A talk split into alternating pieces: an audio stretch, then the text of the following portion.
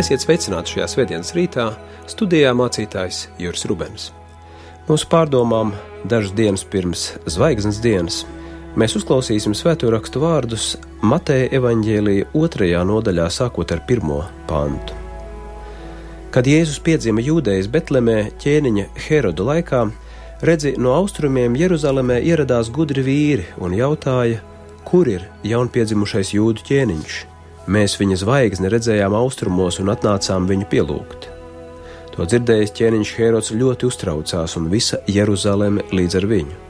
Sapulcinājis visus tautas virspriesterus un rakstu mācītājus, viņš izjautāja tos par vietu, kur Kristum bija jāpiedzimst.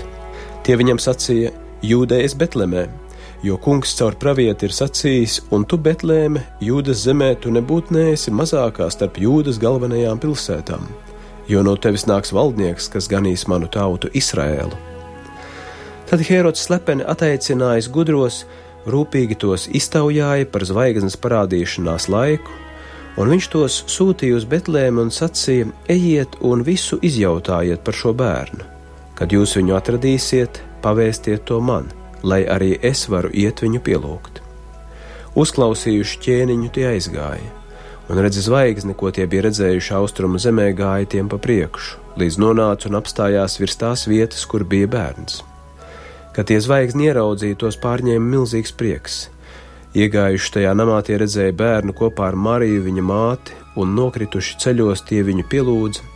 Tie atvēra savas dārguma lādes un pienesa viņam dāvanas, zeltu, vīrāku un mirres Sapnī brīdināti pie Heroda neatgriezties, tie devās atpakaļ pa citu ceļu uz savu zemi. Āmen!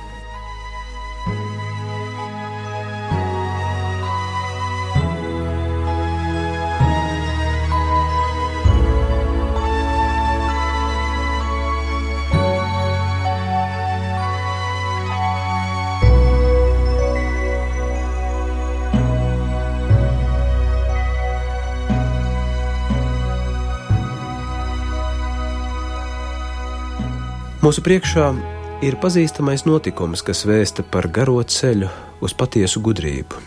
Gudrība ar lielo burtu.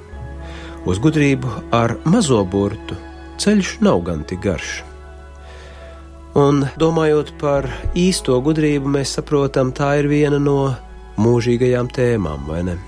Ļoti piemērota gada sākumam. Uz kādu izšķirošu patiesās gudrības aspektu, ar ko tā saistās norāda nozīmīgs vārds - epifānija. Zvaigznes dienu kopš senatnes mēdz saukt arī par epifānijas dienu. Šo vārdu pazīstamu lielai cilvēku daļai darīja Imants Ziedonis savās epifānijās. Tas ir ļoti ietilpīgs vārds. Daudziem būs interesanti uzzināt, ka šis vārds dzima kādā senā ziedoņa sarunā ar mācītāju Jāze Purdzi tālajos 70. gados. Bet tā tad vārds epifānija vēsta par dievišķā parādīšanos, dievišķā atspīdēšanu. Tas norāda uz atklāsmes procesu. Evanģēlīja notikums vēsta, ka dievišķais kā zvaigzne atspīd austrumu gudrajiem, vedot tos tālā ceļā. Galu galā dievišķais uzspīd viņiem vienkāršā bērnā. Tas ir dziļš tēls. Viss šis notikums ir dziļu tēlu pilns, kurā mums ir parādīti ne tikai seni notikumi, bet kas tāds, kas allaž atkārtojas katra cilvēka dzīvē. Pirms aptuveni 2000 gadiem slavenais ebreju rabīns Šimons Bar Johaja diezgan asā formā sacīja, ka ik viens, kurš bībeli uztver burtiski, ir muļķis. Tas varbūt ir par stipru sacīts, taču tas ir iespējams tāds skarbāks norādījums uz Bībeles mūžīgi dzīvo saturu, kas attiecas uz katra laikmeta cilvēkiem, arī uz mums. Esmu pārliecināts, arī šis evaņģēlīja notikums norāda uz katra cilvēka dzīves ceļu un tā iespējām. Mēs varam kļūt par šiem gudrajiem, kas nāk no tālienes. Jā, protams, protams, vispirms mēs esam gudri ar mazo burtu, respektīvi cilvēki, kas paši mēģinam dzīves gudrību iegūt, garantēt, sasniegt, varbūt pat kādā brīdī jūtamies gudri, prasmīgi, varoši. Un nav tā, ka šī mazā ierobežotā cilvēciskā gudrība mūs nevarētu aizvest samērā tālu.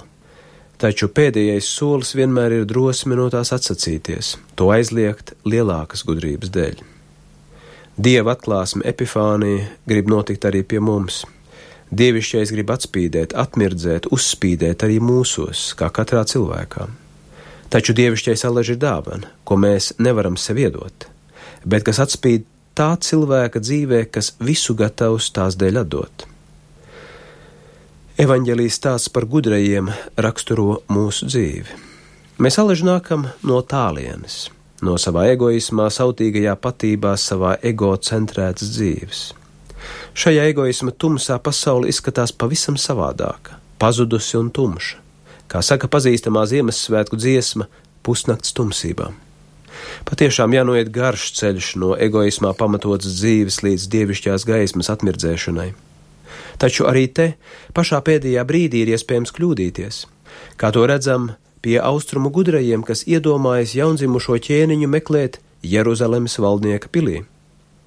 Arī mēs visu gudro un patiesi labo vispirms meklējam pie Hēroda, viņa pilī, nu kur gan citur. Citiem vārdiem pie sava, no vienas puses, protams, ļoti izkoptā un izglītotā, taču no otras puses despotiskā, augstprātīgā un greizsirdīgā ego, kas gatavs jā, vismaz pārnestā nozīmē nokaut visu, ko viņš nespēja kontrolēt, kas viņu šķiet apdraud.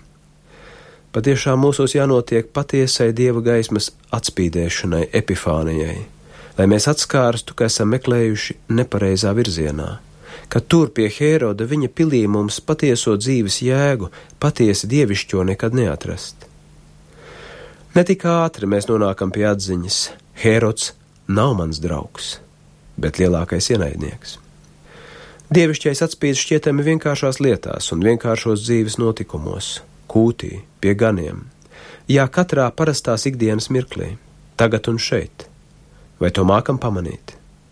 Piemēram, gudrie to piepieši atklāja kādā necilā bērnā impērijas nomalē, bet tas ir ceļš, kurā gudrie ar mazo burtu kļūst par gudrajiem ar lielo burtu. Jo viņi uzrīkstas Herodam pagriezt muguru un sekot zvaigznei, kas spīd augstu pāri galvām. Tāda ir kustība, ko rāda šis notikums - prom no Heroda, lai kļūtu par gudro, prom no pilsētas drošās, bet stagnatīvās, ierobežojošās dzīves, nedrošības tapšanas un dzīves tiešuma dzīvības pilnajā ceļā. Tas prasa ilgu, ļoti ilgu laiku, lai mēs atskārstu, pamanītu, dievišķais ir visapkārt, pēc tā nav tālu jāmeklē. Tas, kā Jēzus norāda, ir katrā ziedā, katrā putnā, katrā cilvēkā.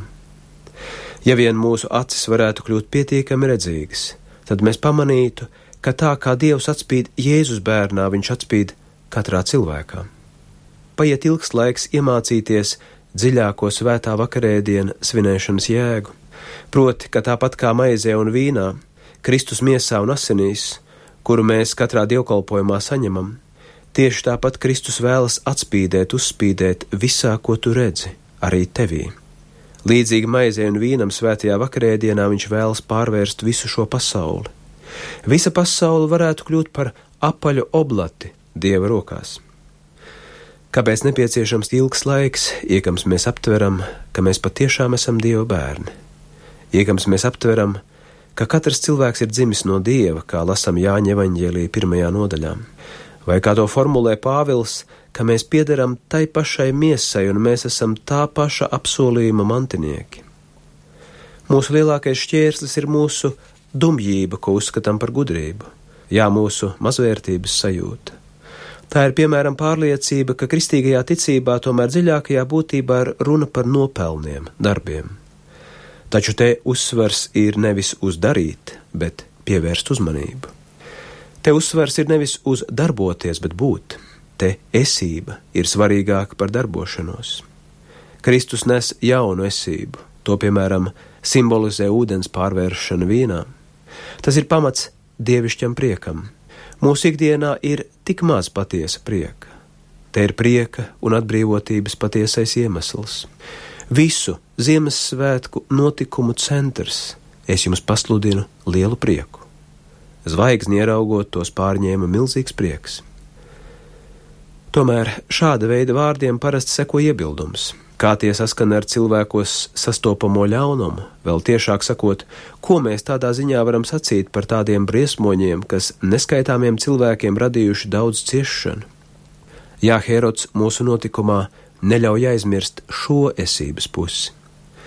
Ļoti iespējams, mums visiem ir lielāka līdzdaļa pie Heroda nekā mēs domājam. Uz to norāda arī šis teksts.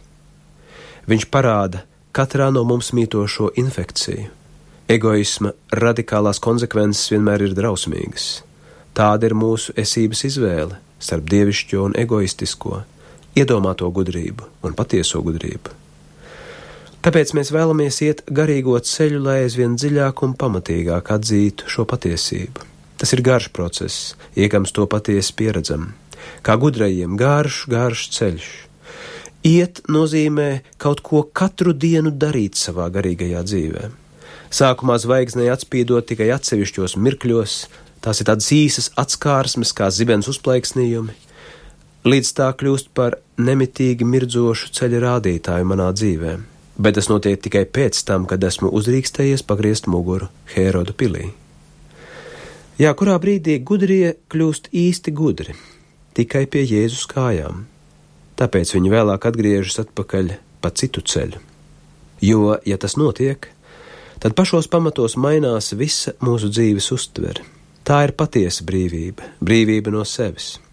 Ceļš augstumos un dziļumos, dvēseles ceļš alaž ir īstas cilvēka tapšanas, patiesas cilvēciskās esības, gudrības ceļš. Tāpēc ir vērts darīt visu iespējamo kā šiem austrumu gudrajiem, kas meklējuma dēļ liek uz kārts visu savu dzīvi, lai savas esības pamatu atrastu Jēzu. Un tas ir gudri. Es meklēšu, iekams neatradīšu.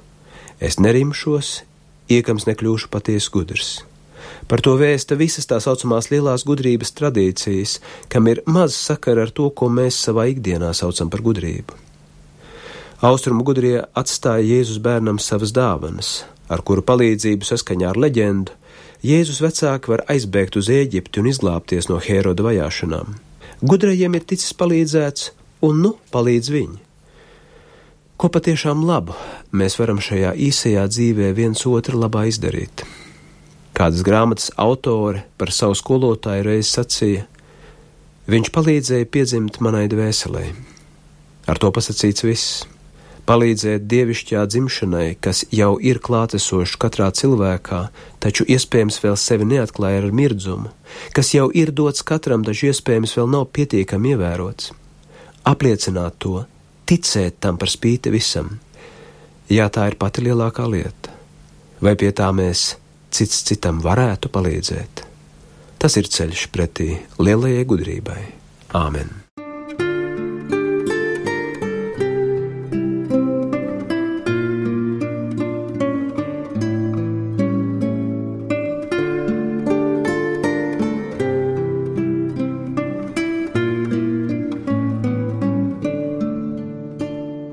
Mēs te pateicamies, debesu Tēvs, ka Tu mūs vedi pretī patiesi gudrai dzīvei. Kāpēc tam, kad mēs esam tik daudz izmaldījušies pa saviem maldīgās, iedomātās gudrības ceļiem, mēs mācāmies to gudrību, kas atspīd Jēzus bērnām, to gudrību, kas maina visu pasauli. Ļauj mums šo gudrību sastapt un no tās mācīties dzīvot. Mēs visu sevi noliekam tavās rokās Jēzus vārdā lūdzot. Mūsu Tēvs debesīs, Svētīts lai top tavs vārds, lai nāk tava valstība, tavs prāts, lai notiek kā debesīs, tā arī virs zemes. Mūsu dienascho maizi dod mums šodien, un piedod mums mūsu parādus, kā arī mēs piedodam saviem parādniekiem. Un neieved mūsu kārdināšanā, bet atpestī mūs no ļauna, jo tev pieder valstība, spēks un gods mūžīgi mūžos. Āmen!